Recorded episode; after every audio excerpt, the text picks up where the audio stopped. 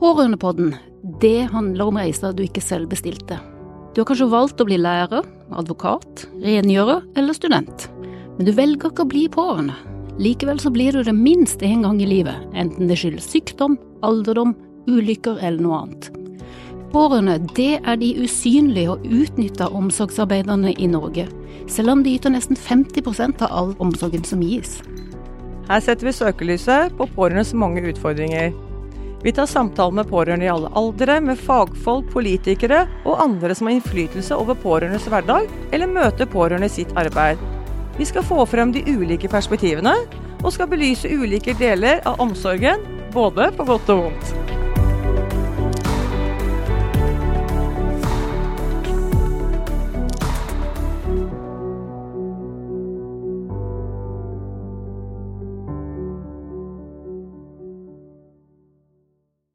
Velkommen til eh, Pårørendepodden. I dag så har vi invitert eh, to eh, damer hit som vi har fulgt med på en, på en stund, og som vi gleder oss til å høre mer fra i dag. Det er Inger Bocca de Reuter, som er mor til Elias. Elias er blitt ti år, er han det? Stemmer. Og så har vi Eline Stien, som er mor til Fredrik, på snart, snart 18 eller blitt 18, Eline? Snart 18 snart 18 år. Vi har fulgt med dere fordi at dere så tydelig er ute og viser frem både det gode dager og mindre gode dager, og har en tydelig stemme på det å være mødre for eh, barn som krever mer av dere, både som enkeltpersoner og som familie. Eline Stien, har du lyst til å si noe om deg selv og deres familie først? Eh, ja, vi er en familie på eh, fem. Eh, de to eldste er nå flytta hjemmefra. Så her hjemme er vi nå mor, far og barn, der barnet er Fredrik. Fredrik, som er i han blir 18 i desember, og han har Downs syndrom. Og litt andre diagnoser som gjør ting enda litt vanskeligere. Mm. Fredrik går på en videregående skole på en tilrettelagt linje. Både far og jeg eh, jobber. Jeg jobber ikke i 100% stilling. Hva med deg, Inger? Eh, hvordan er familien deres? Vi er en familie på fire. Eh, vi er mm, far, og så er det Elias på ti, som du var inne på, og så er det meg. Og så har min mann en, eh, en, datter fra før som er 23 år, og som har bodd hjemme hos oss uh, mye, men nå har hun fått seg sin egen bopel ikke langt unna oss, så det er veldig godt. Og eh, min mann jobber nå 100% på en skole og er jobber 60 eh, på en annen skole. I tillegg så er jeg politisk aktiv og sitter som leder av helsekomiteen i bystyret i Arendal. Mm. En av de tingene vi først så, nå, hvis jeg skal si litt til Eline nå, det var historien 'Ikke bare solskinn', skrev du, Eline. Eh, mm. Hvor du ga en ganske tydelig stemme for hvordan det er å ha en sønn med Downs. Eh, og hva det innebærer. Du var tydelig på at dette skjønnmaler man, og at man eh, kanskje har behov for å si noe annet om det livet. Sånn, hva, hva ville du med den? Jeg ville vel få frem nyansene, tror jeg. Det var litt i kjølvannet av en, en kampanje som hadde vært, med noen bilder av noen veldig søte, blide barn. Eh, og det var også, etter å ha fulgt noen eh, ja, i sosiale medier eh, Små barn som smiler og er søte, altså barn med Downs syndrom. Samtidig som eh, i fjor høst, da jeg skrev den kronikken, så var vi midt oppi dette her. Da hadde Fredrik nettopp begynt på videregående skole. og hun sleit veldig med mange nye ting i forbindelse med at han begynte på videregående. Det ble en stor overraskelse for oss hvor, mange, hvor stor overgangen var fra når det var en ny skoleeier. Det var mange ting som plutselig bare forsvant eh, i, i den overgangen. Og vi var så slitne, og vi var så utmatta av byråkratiet. Samtidig som vi da også fikk høre at å, de er så blide og de er så skjønne, og man blir så glad i dem. Og, og, det stemmer jo. Vi, vi elsker Fredrik. Vi syns jo han er helt topp.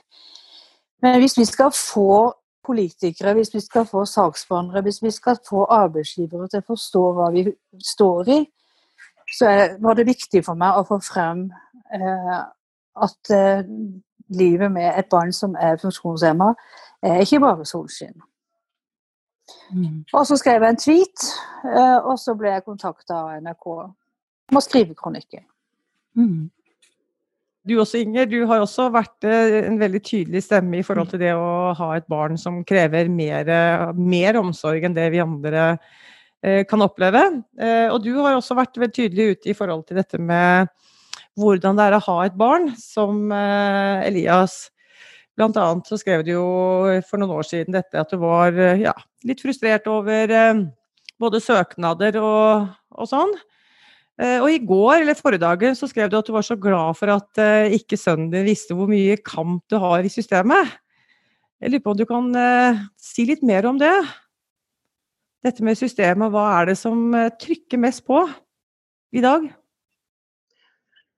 For meg så har det vært en, en utrolig frustrasjon å kjenne på at du må stadig fortelle, og når du da har fått dokumentert hvor krevende ditt barn på en måte har det, da, så må du på gang på gang be om um, Du ser at de papirene på en måte barnet ditt får, da, det er egentlig ikke til bruk for så mye. For oppi alt det så er det lovtolkninger, det er økonomi, det er vilje fra folkevalgte, det er og til og med ulike saksbehandlere. Og på en måte stå i den at Elias ikke må vite at man må kjempe for det som er elementære menneskerettigheter. da. Nå sist så fikk vi avslag på en kassebil fordi at Elias selvskadet seg selv såpass mye og er trafikkfarlig. Og I 2019 så endra Stortinget en lov som gjorde at våre barn kunne da få en tilrettelagt bil fordi at man ikke skal være til fare for andre eller for seg sjøl. Men allikevel så får Elias, som har to på én hele tiden, som har døgnkontinuerlig omsorg og utagerende atferd og har det utrolig krevende i livet sitt, og hvor egentlig han er den personen hvor loven egentlig er skrevet for, da, satt på spissen, selv han får avslag. Og jeg tenker liksom som Eline sa, at folk skal vite at hva som ikke bare er solskinnshistorien med våre barn, men òg hvem de er. Jeg tenker Det handler noe om verdighet over livet sitt. At de har det òg vanskelig. Og for at de skal ha gode nok liv, så trenger man å ha folk som kan ta godt nok ivareta de og forstå de sine behov godt nok, og gi de de elementære menneskerettighetene og kravene og lovene de har rett på. det. Mm. Jeg tenker på det noen ganger, altså hva, hva i systemet Man snakker om systemkampen, men konkret, hva sliter dere mest ut? Jeg tror det må være den eh, nå jeg, har jeg gått inn i politikken. Det er egentlig noe jeg i utgangspunktet ikke har tid til og kapasitet til, men både min mann satt på Stortinget og var i helsekomiteen siste periode. Og vi har på en måte møtt ved at vi har vært en del åpne, og ved at min mann har jobba med det, så har vi møtt på veldig mange som, som eh, kjemper de samme kampene. De er helt ulike barn, helt ulike diagnoser, men de, de samme følelsene sitter pårørende igjen med. Og det er ikke ett fasitsvar. For det kan være da den eh, både det politiske miljøet som enten ikke vil lytte til eller ta i sakene, eh, eller en, være tydelig i forhold til systemet. Den evige kampen der. Det handler òg om at det kan være veldig personlig fra, fra saksbehandler til saksbehandler. Men det er mest av alt den, eh, den eh, Hva skal jeg si? beskyttende mekanismen som jeg føler kommunen særlig har, over både budsjettet eh, og på en måte få til en sånn helhetlig greie og beskytte seg selv og ikke være så åpne om hva som ikke fungerer. det. Som gjør at man stadig står i de konfliktene og de omkampene som gjerne administrasjonen legger opp til. Så jeg føler Nav er av og til litt lettere å forholde seg til, for de har et enda mer konkret regelverk, selv om det er nok å snakke om de. Mens kommunene og det såkalte skjønn, det tapper nok aller, aller mest. Mm. Line, føler du, er du er, opplever noe det, det samme som uh, Inger her? At det, det, er spesielt dette med kanskje skjønn, altså at man må, kan vurdere fra enkelt tilfelle til en annen, og at det, det, kan komme av kanskje kommuneøkonomi, eller hvordan de ønsker å tilrettelegge for de enkelte? Eller er det andre ting du vil nevne som du har sett som en utfordring, eller dere som familie har sett som en utfordring? Jeg kan absolutt underskrive mye av det som Inger sier. Nå må rett skal være rett. Ikke, altså Fredrik har ikke det samme eh, behovet som Elias. Og jeg syns det har gått veldig i bølger. Eh, det er noe med Når du får et barn med Downs syndrom, så får du på en måte en pakke ferdig. Han er født med en diagnose. Og, og det, han var på en måte ferdig utreda når han kom. Og de første åra var det mye oppfølging både gjennom eh, kommunen og gjennom eh, Habu på sykehuset. Men så dabber det av. Og jeg må si at eh, de siste åra så har opplevd, har vi opplevd, at det har vært mange Vi har hatt mange opplevelser av hvor utrolig tungvint systemet er på mange, rent sånn byråkratisk. Og vi bruker så mye tid. Vi bruker så mye tid f.eks. på å innhente legeerklæringer. Når han var fylte 16, så hadde, ikke, hadde ikke vi lenger tilgang på eh, Helse Norge. I likhet med andre 16-åringer. Men fordi da når vi da fikk en eh, legeerklæring på øh, hans øh, situasjon, så uh, at ikke han hadde samtykkekompetanse, så fikk vi etter hvert en fullmakt på Helse Norge. Og da trodde jo vi at den også gjaldt når vi skulle hente medisiner på apoteket. Nei, det gjorde det ikke. Da måtte vi ha med en, en ny type fullmakt. Og sånn er det hele tida. Skulle bytte fastlege, da måtte han ha en fullmakt fra forrige fastlege som var slutta. Noen ganger så, så blir vi helt sånn oppgitt over hvor lite sømløst system vi har. Vi tror at eh, ting går greit mellom de ulike etatene, mellom skoleeiere, mellom skoleeier og eh, sykehus, kommunesykehus. Men det, vi bruker i hvert fall fryktelig mye tid på eh, byråkrati og skjemaer og i vår hverdag. Og skal vi mm. til legen, så må en av oss ta fri, kjøre opp på skolen, hente han, gå til legen, være hos legen, kjøre han opp igjen. Og det, det, det må vi bruke arbeidstida til. Mm. For å få en legeerklæring. Jeg så du hadde kommentar der, Inger. Ja, og jeg ser jo at um, eh, det å få til den sømløsheten, da Vi har vært veldig heldige med både barnehagen og habiliteringstjenesten og ressurssenteret som man går på nå. Men med en gang du er på utsida av den boksen hvor du ikke har Nå har vi spesialisthelsetjenesten inne, men de har ikke noe med de kan tilby egentlig, for dette er så komplekst rundt ham. Og vi er på en måte prisgitt den fantastiske, dyktige skolen han går på. Og så tenker en jo ofte på de som ikke har da eh, Lundre ressurssenter. Det, det, det, er veldig sånn Det er så tilfeldig. Og det Eline òg tar opp med den sømløsheten at man fremdeles ikke i 2020 har fått til Nå snakker vi om Akson, vi skal ha felles journalsystem, vi skal ha alt det. Og da kan en bli litt sånn Ja, kjempebra, men for de som det er helt elementært for, som vil ha de samme utfordringene livet ut Det å stadig måtte fortelle, forklare, eh, og egentlig være den koordinatoren som man egentlig betaler skatt for at andre skal være der, men vi som kjenner ungene best og på en måte kjenner systemet Vi har jo sett ofte at det har vært lettere for oss å koordinere sykehus, habilitering, alt. Fordi at vi gir opp på å vente, og vi ser at systemene prater ikke sammen. Og det kan da umulig være eh, verken tidseffektivt eller godt nok for, for de. Og Det får meg jo tilbake igjen til hvor mye tid vi bruker på å ivareta Elias og våre, for alt henger jo sammen. Vi er jo pårørende som skal stå i det, men vi kan jo ikke dø.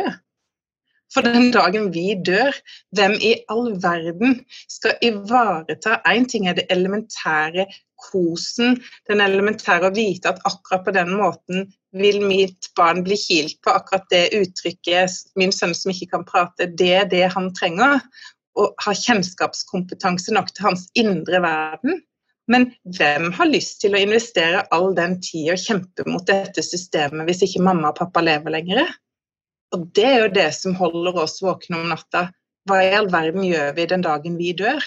Så vi bruker livet til å bygge opp hans Og har fått han tidligere inn i kommunal regi for at hvis noe skjer, så kjenner de han best mulig. Men det er, det er frustrerende. Men det er dette som både du, Inger og Eline sier, dette er jo, altså dette er jo veldig veldig mange pårørende som sier til barn eh, og voksne av andre diagnoser òg. Eh, og det her er jo noe man både FFO og vi ser at man ofte pårørende sier at det er egentlig man blir mer sliten av å ha kontakt med systemet enn det å ha et, en unge som krever ekstra omsorg.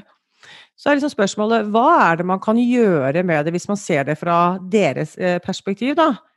Er det noen ting som kunne vært enklere? Som for, som eksempel hadde det hjulpet å hatt en uh, Vært mye mer en del av ungene deres uh, system. Dvs. Si at det er at man skriver en samarbeidsavtale der man avklarer f.eks. ansvarsforholdet. Hvem gjør hva? Hva er planen videre, som er, for, som er forpliktende? Er det en god idé, eller det, blir det også vanskelig å forholde seg til?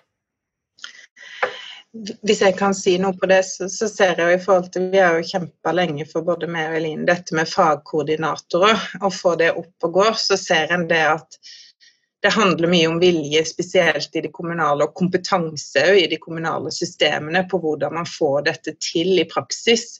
Men jeg tror jo at du er inne på noe viktig. Allikevel så hvis du skal ha one size fits all, så vil jo ikke det kunne gå, for hvert barn og hver familie er ulik.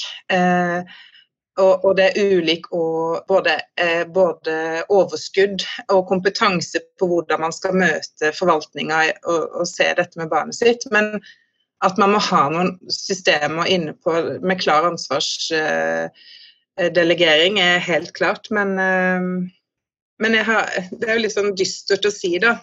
Nå gikk jeg jo inn i politikken fordi at jeg håpte at jeg kunne være med og bidra, for jeg følte at jeg hadde hørt så mange historier, opplevde sjøl så veldig på kroppen og sett på en måte det verste av det verste. Og på en måte trodde jeg hadde litt oppskriften.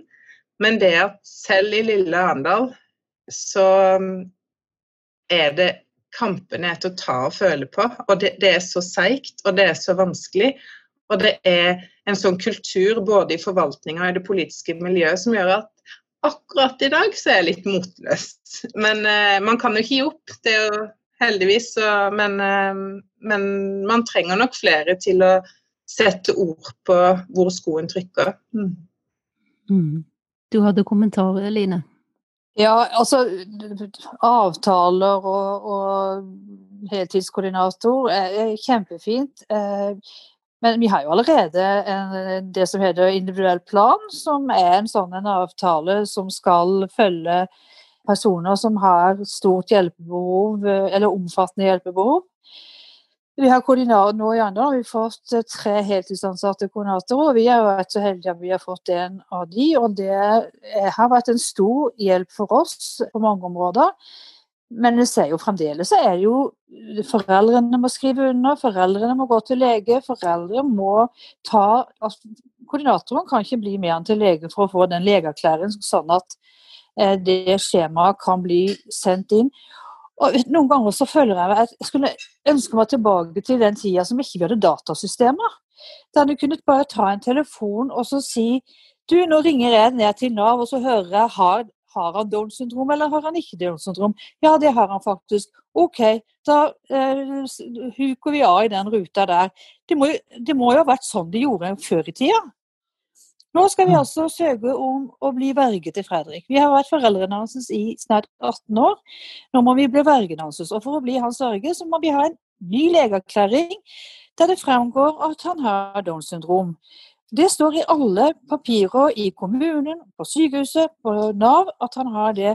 Likevel så må vi gå til legen for å få en ny erklæring på at han har Downs syndrom. Og da tenker jeg, hvorfor kan ikke fylkesmannen ta kontakter, om det blir på telefon eller på mail, og høre hva er det slags opplysninger dere har på Nav om Fredrik Stien? Det høres jo rimelig ut at det, noe som er medfødt, ikke blir borte. og eh, det, jo, det, må jo kjennes ut som litt sånn Kafka-prosesser av og til. Ja, det er det. Det er en mm.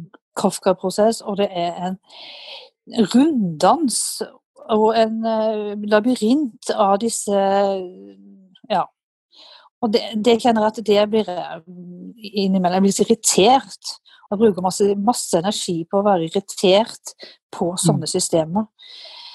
Og det som Inger snakker om det kommunale, hvorfor må vi hver eneste høst skrive en lang firesiders søknad når det gjelder eh, avlastning? Det er en elendighetsbeskrivelse eh, hvor vi beskriver alt han ikke kan for å kunne få den avlastninga som vi selv mener at vi har eh, behov for. Mm. Hadde de tatt en telefon og, og, sagt eh, hvordan er det med dere, eh, skal vi opprettholde sånn som det var i fjor, eller, eller ønsker dere mer, eller kan vi gå ned litt i avlastning? Det er sånne Det ønsker jeg meg. Jeg ønsker meg mm. at ting skal være litt mer lettvint. Og så vet jeg ja, ok, det er systemet, system, det er rettssikkerhet, det er formaliteter og det er regler og alt det er fullstendig klar over. Derfor så tenker jeg jeg skulle ønske at det var mer lettvint, og at ikke det var alle de systemene.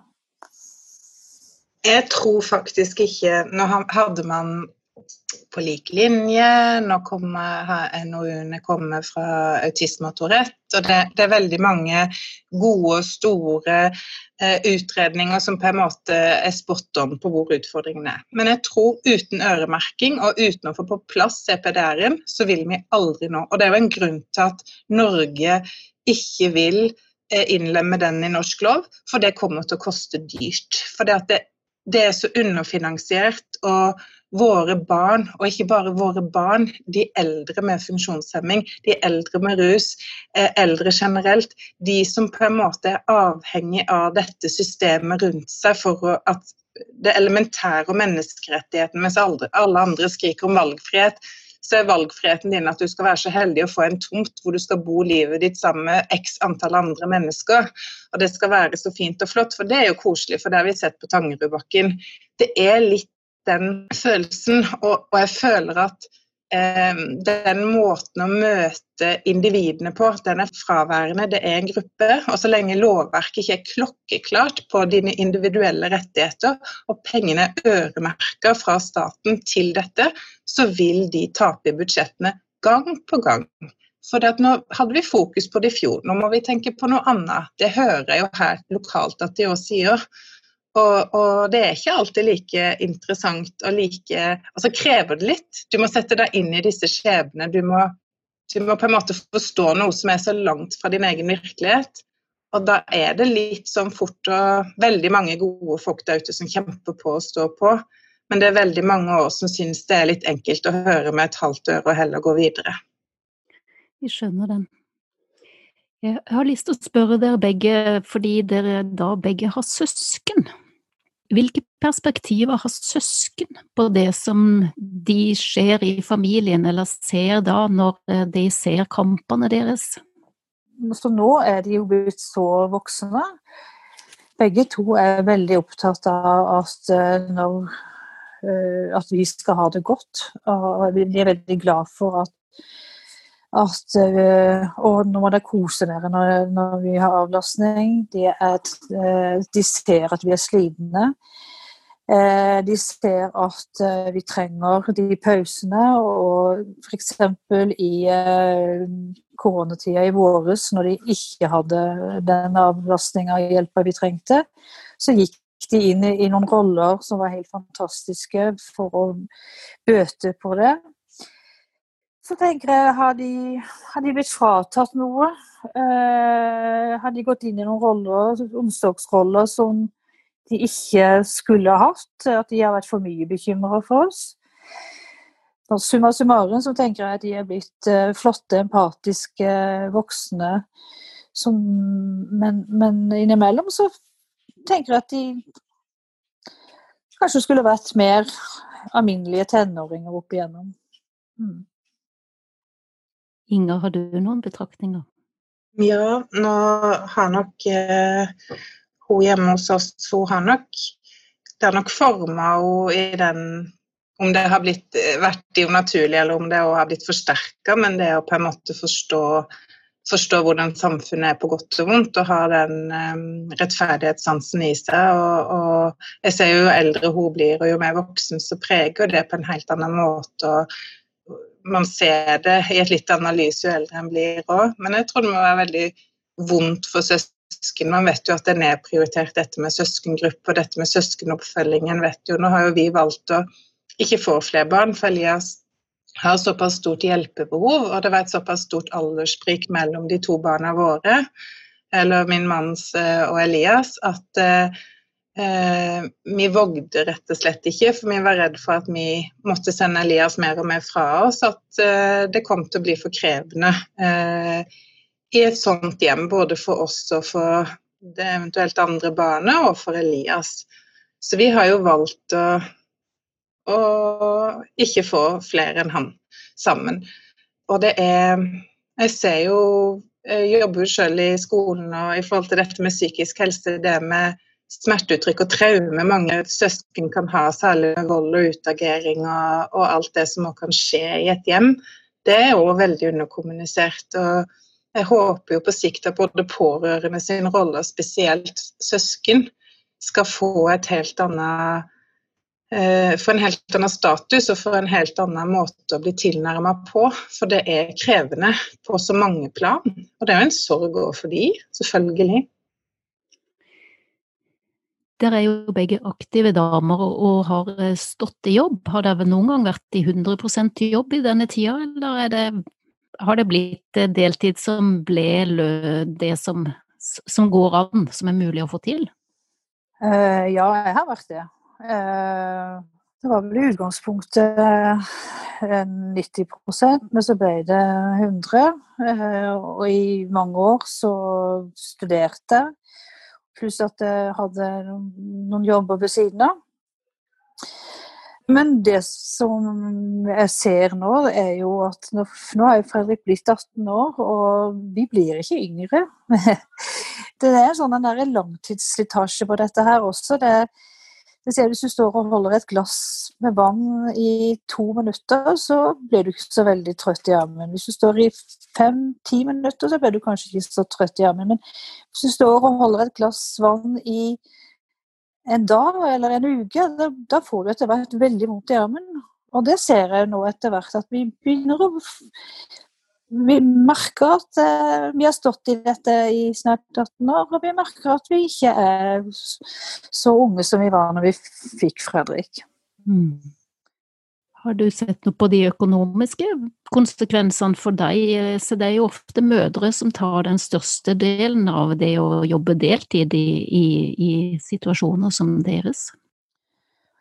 Ja, jeg har jo sett det, og så har jeg stikker jeg hodet i sanden og tenker at eh, vi får det til nå. Og så er pensjonspoeng og Det er litt sånn Fremdeles er det så langt fremme, men eh, jeg syns ikke det er så veldig Jeg kjenner at jeg blir litt flau når jeg sier det, at jeg stikker hodet i sanden for det. Fordi eh, det burde, burde, vært mye mer oppi hodet mitt og tenkt at jeg får bare stå i det og jobbe 100% ja. Mm. Hva tenker du Inger? Du som er yngre? Nei, jeg prøvde meg. Nå har jeg jo en mann som er betraktelig eldre enn meg, så vi har jo virkelig satt oss i Vi har ikke så mye overskudd, men vi har bare bestemt oss for å leve litt sunnere og trene litt, for vi må på en måte både kunne ha styrke nok til å ha Elias lengst mulig, for det krever både kondisjon og styrke. Eh, og for å prøve Vi har ikke mye familie, så vi er jo avhengig av å leve lengst mulig, som jeg var inne på i stad. Så det er sånn motivasjon i seg sjøl der. Eh, men jeg prøvde meg jo i starten, da jobba min mann i Oslo satt på Stortinget, og jeg jobba 100% Jeg tror jeg gjorde det i noen få måneder. Og så har jeg alltid elska jobben min. Jeg elsker eh, å stå i jobb. Jeg elsker å føle at man er, kunne brukes til noe. Så jeg har jo gått på disse gang på gang-smellene, da. Men jeg ønsker jo alle, når jeg eh, sier navnet hans, selv om han ikke liker den, Odd Einar i livet. For jeg var nok på vei til å ut av arbeidslivet for det at uten søvn, gått mange år med å bare sove 50% i løpet av et år så, av den søvnen du skal ha, så å stå i veldig tunge eh, omsorgsoppgaver, så kjente jeg at nå må jeg kanskje se, se sannheten i øynene, at jeg ikke kan stå i jobb. Og at det faktisk kroppen min ikke klarte mer. Og det gikk ut, begynte å gå utover Elias, eh, var frykten min. Men en fantastisk arbeidsgiver som virkelig så kvaliteten i meg, og som ga meg tid og ga meg tolerant liksom bare var helt fantastisk, som gjorde at da fikk jeg tilbake igjen energien til å klare å stå i jobb. Jeg har gått drastisk ned i stilling. Det er jo fordi at jeg jobber i et kvinnedominert yrke og har lavere lønn enn min mann. Så det er jo litt der at selvfølgelig Det er jo ikke bare at kvinner naturligvis tar kjapt til disse omsorgsoppgavene. Vi hadde jo tapt ganske mye penger hvis min mann skulle gått ned i stilling. Og der tenker jeg at hvis man skal få til på sikt da, med likestilt omsorgstyngde, da, så må man jo se på dette med, med lønnskostnadene. Ellers vil man jo aldri komme i mål på det. Da vil det være kvinnene som tar de største takene, som sitter igjen med minst pensjon, og som på en måte alltid er taperne i det. Så, men, eh, men jeg håper sånn, Og det tror jeg hvis vi skal få til å gjøre livet godt nok både for for foreldrene og for barna alt, så handler det om hvordan arbeidslivet tilrettelegger og tilpasser den hverdagen vi står i, som For jeg tror de fleste av oss har lyst Det er så viktig å ha den foten ut i livet. Men at man nå sier at vet du hva, vi forstår om det ikke det går, så skal det òg være greit. Mm. Har du innspill, Eline? Ja, altså jeg tror også at det der å det sier jeg hver gang i møter med kommunen, at eh, det er livsviktig for både Frank og meg at vi kan være i jobb. Ofte så er det faktisk der vi henter energi. Så det, kan det kanskje være noen perioder som vi jobber redusert. Og, men det er også veldig viktig at arbeidsgiver får rede på at ting er som det er. Og jeg har vært eh, så langt eh, vært veldig heldig og hatt eh, en arbeidsgiver som sier som ser og som lytter. Og når ting skjærer seg eh, hjemme, så får jeg, forståelse for det.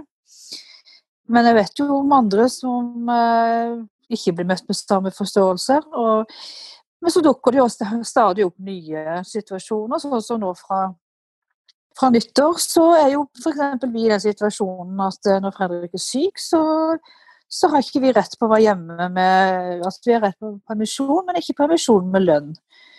Det er hele tida noe nytt. Og det er jo også sånne utfordringer som, som jeg tenker når, når er vi i mål?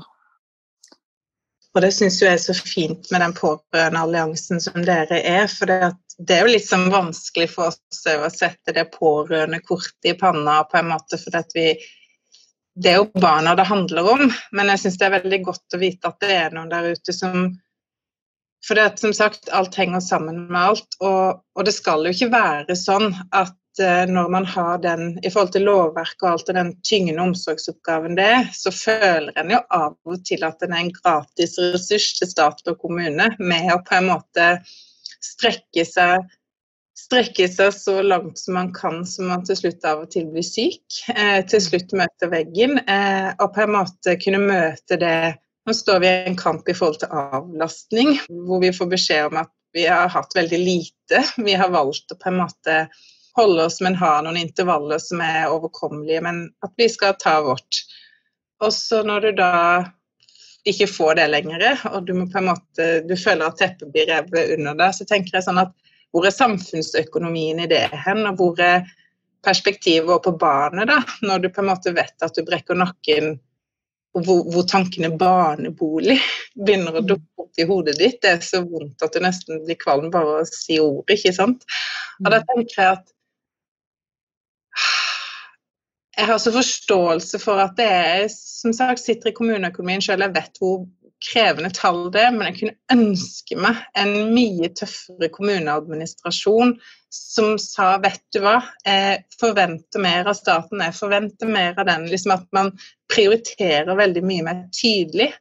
For det handler om satt på spissen handler om skatteinntektene til kommunene òg. Vi er en ressurs òg mm. eh, i den eh, forbindelse. Så det å satse på pårørende er jo å vinne i alle ledd, da, tenker jeg. Mm. Det er vel et utsagn vi ikke skal være uenig med deg i akkurat. Ligger nok til bunnen i det vi jobber med. Men jeg tenker på det du sa noe om å være seigmann her, eh, og strekke strikken. Hvordan, hvordan sikrer dere påfyll til dere sjøl? Hvem er det som gir dere energi? Uff, jeg er jo så nerd at jeg har gått inn i politikken. Det er jo det som gir meg energi, som tar mest og gir mest. Så jeg har måttet kutte. Jeg har mista mange venner på veien. Jeg har eh, mista mye på veien, men jeg har fått så uendelig mye. Så jeg har lært meg å være litt selektiv på hva gir meg energi.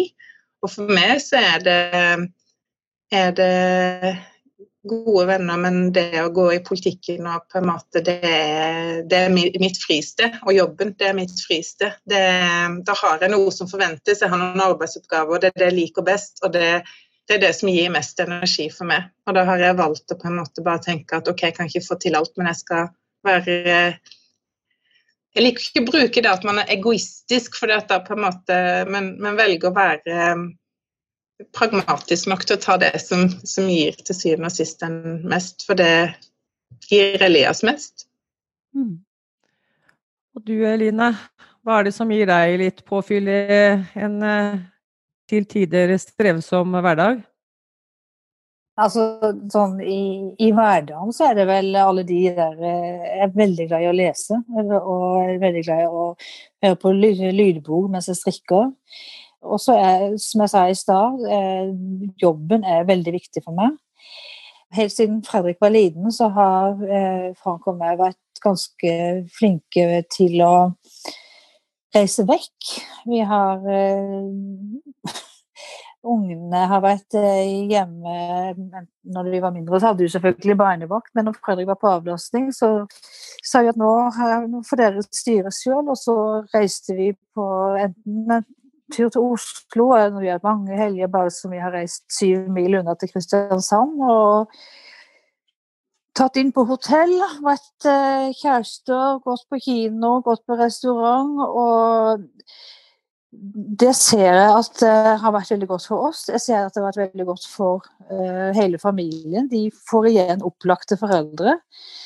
Eh, så det som kanskje der og da føles veldig egoistisk, det har vært en vinn-vinn for, eh, for, Team Stien. Eh, at vi har hatt de der 48 timene alene, enten det har vært i Oslo eller Kristiansand, eller hvis vi har reist utenlands. Det kan vi jo ikke gjøre nå, men det har vi.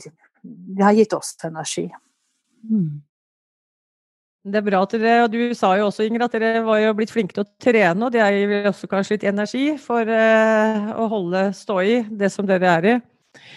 Men dere begge har nevnt litt om dette med framtiden. Som du Eline sier nå, er eh, Fredrik blitt 18 år, og da er det en del endringer.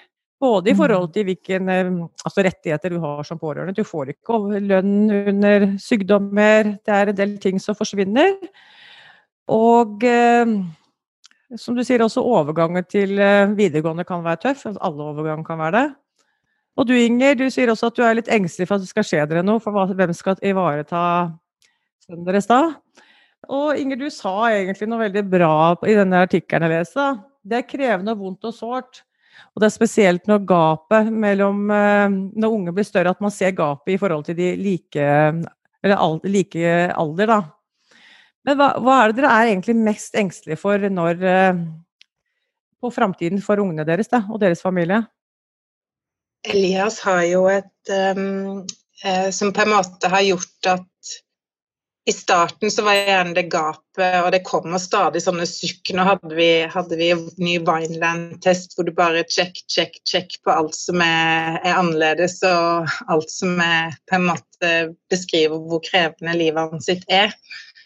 Eh, og så allikevel så har jo ikke minst en risikoforståelse. Han har ikke språk, han har ikke Han er veldig i nuet. Så det å leve med et dødssykt barn som ikke er dødssyk, men som på en måte har en, en, tilstand ved seg som gjør at han, hvis han døra ikke er låst, så kan han løpe ut i veien og bli påkjørt av en bil. Han vet ikke at en skråning er farlig. Han har ingen risikoforståelse. Og over tid så på en måte har den Jeg har, har liksom de siste åra nesten ikke hatt tid til å kikke rundt meg og se hvordan de andre jevnaldrende har det. For man er så Det er bare så opptatt av å holde han i live, da.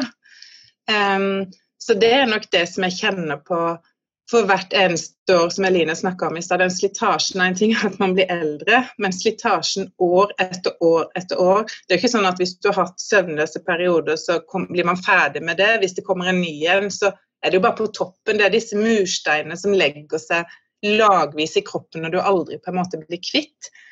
Og den redselen og slitasjen med å gå hver dag og skifte bleie, gå hver dag og kle av på, gå hver dag og sjekke at døra er låst, gå hver dag og være hans sitt menneskelige skjold, det er vel det som gjør at det er ekstra redd. Vil Ja, hvem skal ivareta hans sin sikkerhet, da? Og så er det jo alt det som går på han og hans kos og ja, alt det. Mm.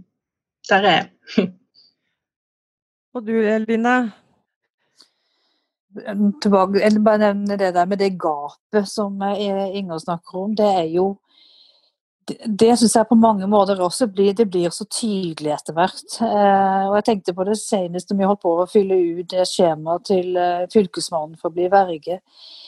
Og så er det, skal, søker vi ung ufør dette styrer vi med nå. Vi skulle egentlig ha holdt på med øvelseskjøre, vi skulle holdt på med russebil, vi skulle holdt på med kjøre til fotballtrening. Og så holder vi Det vi gjør nå, er skjema til fylket og til Nav for å få eh, stønader og bli, fortsette å være hans verge. Så det er det gapet som Og noen som sier ja, men hallo, det er bare et skjema. Nei, det er ikke bare et skjema, for det, det skjemaet gjør det så synlig. Du får det liksom midt i fleisen at sånn, dette her er, er, er Dette er barnet ditt. Og så er det også det med eh, Hvis noen hadde sagt at ja, nå skal han trenge hjelp til å smøre brødskiver, og han skal ha hjelp til å gå på do i fem år til så tror jeg kanskje så har vi sagt OK, fem år til skal vi klare. Men det er ikke noe tidsperspektiv. Og sånn har det vært med alle ting. at uh, vi klarer jo veldig mye, men hvis du har en vanlig vill toåring, så tenker du ja ja, nå er de to år, og det vet man er travelt. Men det går over når de er tre, det går over når de er fire, det går over når de er fem. Men vi, vet, vi har ikke noen sluttdato. Vi vet ikke når han klarer å lage frokost eller mat selv. Vi vet ikke når han klarer å gå eh, på toalettet alene. Vi vet ikke når han klarer å være eh, selvstendig. Det syns jeg begynner å bli en stor belastning. Og hva er jeg redd for med fremtida? Altså, Fredriks syndrom gjør jo at han blir eh, eldre fortere. Han kommer kanskje til å Vi vet at de med Downs syndrom lever lenger enn de gjorde tidligere. men Eh, og forhåpentligvis så, så, dør vi før han. Men noen ganger så tenker jeg eh, Det verste som kunne skje, det er faktisk at noe skulle skje med søsknene hans. Fordi jeg vet at hvis noe skjer med oss, så er de der. Men hvis noe skjer med de, hvem skal da være der for Fredrik? Det er min innimellom tenker jeg, det er min største redsel. At eh, noe skal skje med de. Og nå har storebroren har nå et risikoyrke, så tenk, tenker jeg noen ganger at å, nei, han må ikke Det må ikke skje noe med han.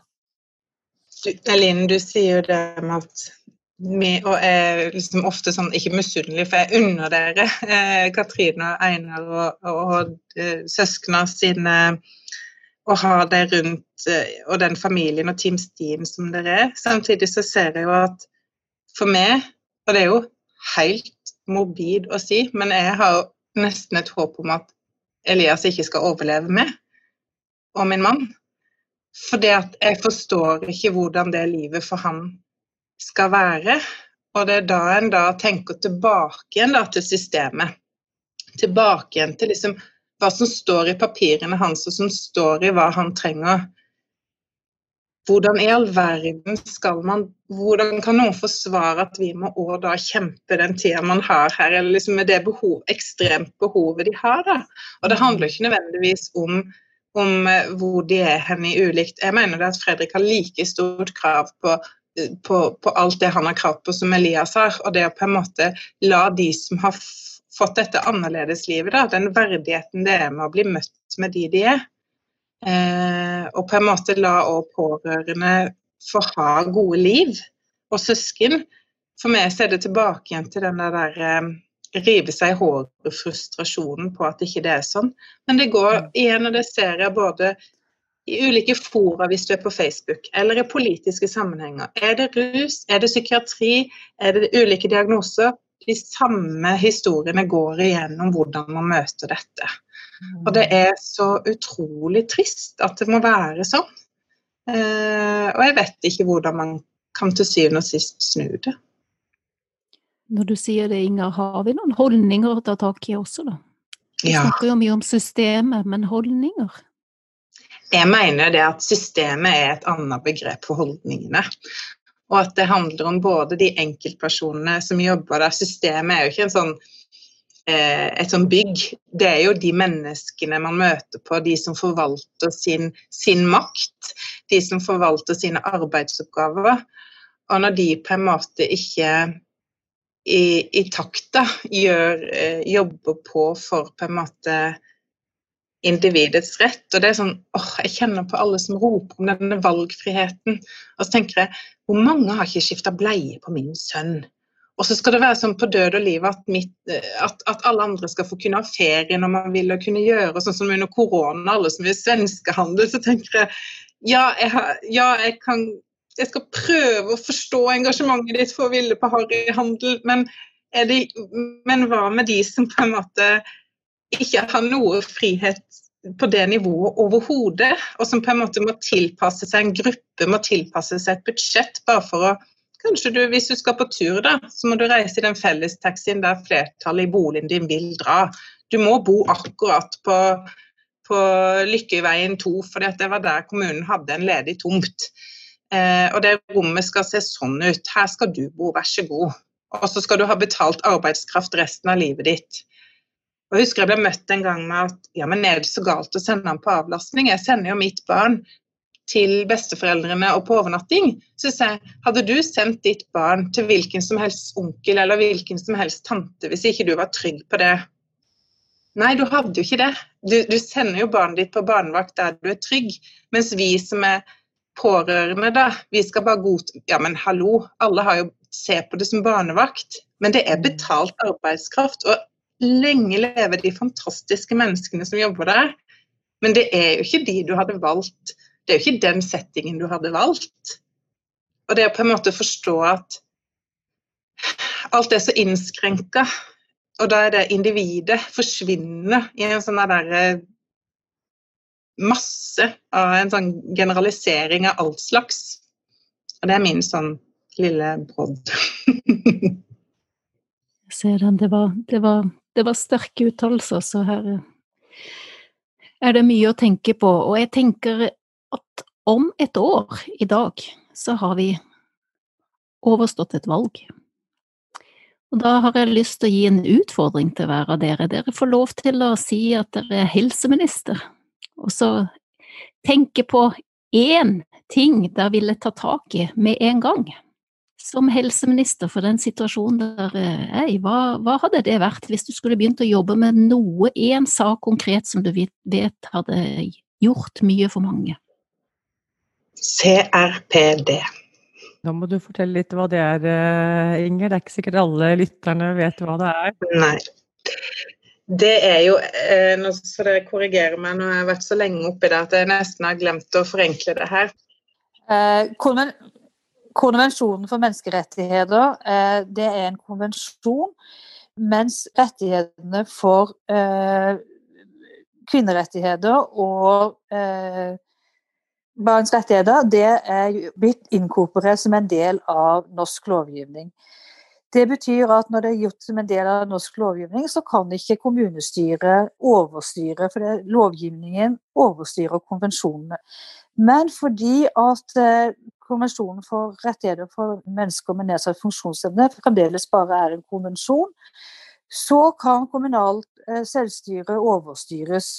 Så er det gang på gang blitt forsøkt å få også konvensjonen for rettigheter for mennesker med nedsatt funksjonsevne til å bli en del av norsk lovgivning. Men av en eller annen merkelig grunn så blir det nedstemt av alle partier, unntatt Rødt og SV. Og det gjør at eh, kommunene sier nei, vi gjør det på vår måte, selv om det står i konvensjonen. Mm. Og, og, staten kan jo, og jeg tenker det at jeg syns det er så flott det man har stått på for barns rettigheter og kvinners rettigheter. Eh, og da syns jeg det er så rart at man kan si at man har et B-lag. For i Norge har man et B-lag, og det er personer med nedsatt funksjonsevne. Og det er fordi at man vet at hvis man inkorporerer denne loven, så vil man da da, da, kan du ikke på en måte komme med dine krav som individ om hvordan du vil leve livet ditt i forhold til menneskerettighetene. Det handler om elementære menneskerettigheter. Så det gir jo på en måte kommune og stat lov til å bryte disse menneskerettighetene uten at man kan gå i kortet eller sette foten ned for det. Og da tenker jeg det at det er det er vår tids største likestillingssak. For Vi snakker ofte om inkludering og verdighet. Nei, vet du hva, det handler om reelle menneskerettigheter. Og de, det er så vondt å vite det at en gruppe personer eh, det, det er mennesker det er snakk om. Av økonomiske grunner så velger staten og stortingsflertallet å si nei, dere er et B-lag, dere fortjener ikke de samme rettighetene som andre mennesker. Dere har ikke krav på den valgfriheten. Vi ønsker ikke å gi dere det. Og det er brutalt, altså. Ja, er du enig i det, Eline, eller er det andre ting du, ja. du er enig i? Nei, jeg ville Inger var bare før meg i køen. Eh, det kunne være mange ting som jeg kunne sagt til helseminister, men det aller viktigste Jeg tror ikke vi kommer noen vei før CRPD blir en del av norsk lovgivning. Så det, det, er, det er der vi må begynne. Når det er på plass, så kommer en del andre ting til også å falle på plass, tror jeg. Så CRPD, altså The Convention of skal vi ta det formelle, Convention of the Rights of Persons with Disabilities. Når den er på plass, så blir det også bedre for deres pårørende. Da må man bevilge penger. Da må man målrette tiltakene. Da må man se individet eh, mer enn mm. denne gruppetanken. Og som Eline sier, vi kommer ingen vei før den er på plass. Dessverre. Mm. Og det, det, er liksom enda verre når de sier ja, men vi styrer jo etter den. Det er en mm. sånn eh, ansvarsfraskrivelse. Jeg syns det er ekstra trist at KrF, som egentlig er for det, men når de kommer i regjering, så har de kasta den litt på båten. Jeg syns det er kjempetrist. Mm. Ja, eh, vi skal vel eh, begynne å runde av. Ja, det har jo vært en eh, flott samtale med dere. Vi har virkelig fått innblikk i hvordan deres hverdag er. Men hvis dere tenker litt tilbake, som eller vi begynte med Dere fikk kanskje en reise som dere ikke hadde bestilt. Hvis det er eh, kanskje én ting dere tenker på som dere vil gi som råd til eh, de familiene som vil komme i den samme situasjonen som dere, når dere har reist nå, hva er det slags råd vil dere gi til dem for at de skal få det noe enklere på denne reisen? Da kan jeg begynne med deg, Eline. Oi. Eh, jeg vet det.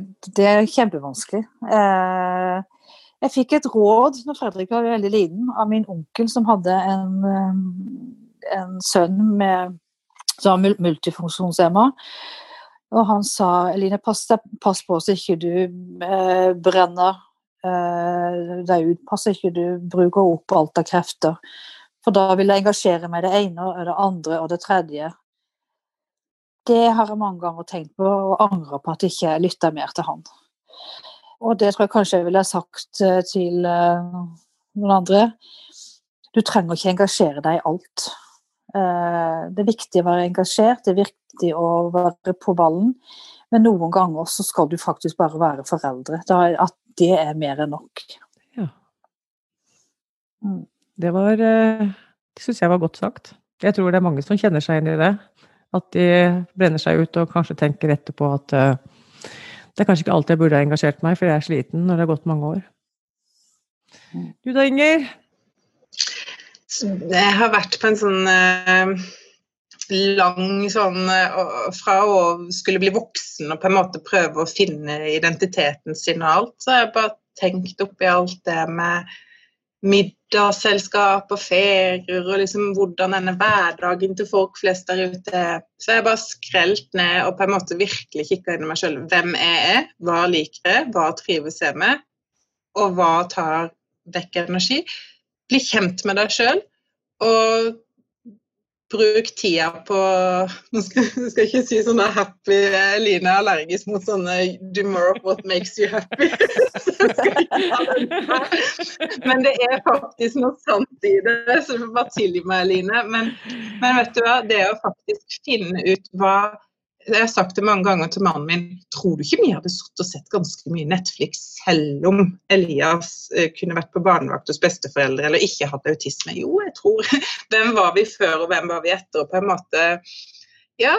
Eh, og Elias er Selv om livet er kjempevanskelig, jeg føler det er litt viktig å si det også, men det kan jeg vel si for Fredrik òg, det er jo ingenting som gjør oss mer glad enn de ungene. De, de er jo det, det, å være sammen med de og, og nyte de øyeblikkene, da, som eh, Sammen med de og Ja. Eh, nei, jeg tror bare man må prøve å bare slutte å ha dårlig samvittighet for alt. Man mm. skal kunne gjøre det som eh, gir en energi, og som en lærer seg å si nei. Mm. Jeg må øve på det fortsatt. Men jeg må ja, men det, det, det, det, er jeg helt enig i. En må si nei med god samvittighet, og det er faktisk ikke alltid en trenger å forklare hvorfor en sier nei. Noen ganger så holder det bare å si nei, det passer ikke. Mm. mm. Det tror jeg er et veldig godt råd som gjelder mange. Vi trenger ikke å få den forklaringa eller gi den, eh, vi må bare si nei. Sorry, ikke i dag. Det passer mm. ikke. Mm. Vi skal ta oss og runde nå med en uh, tusen takk til dere begge to. Det har vært en uh, veldig givende og ettertenksom samtale, og jeg håper det vil også være det for alle som har hørt på dere. Dere har delt raust av tanker og innblikk i livet, og som det også mange sier, prøv en dag i mine sko så ser du kanskje hvordan livet mitt er, og det har dere virkelig eh, delt i dag, så Tusen takk for at dere ville være med eh, i eh, denne podkasten som, som er Pårørendepodden. Og for de som er interessert i mer om Pårørendealliansen, så må dere gjerne se opp på våre hjemsider. Tusen takk for at dere har hørt på. Er dette tema for deg eller noen du kjenner? Følg oss gjerne på sosiale medier, hvor vi synliggjør og gir de pårørende stemme. Du finner alle lenkene i episodebeskrivelsen.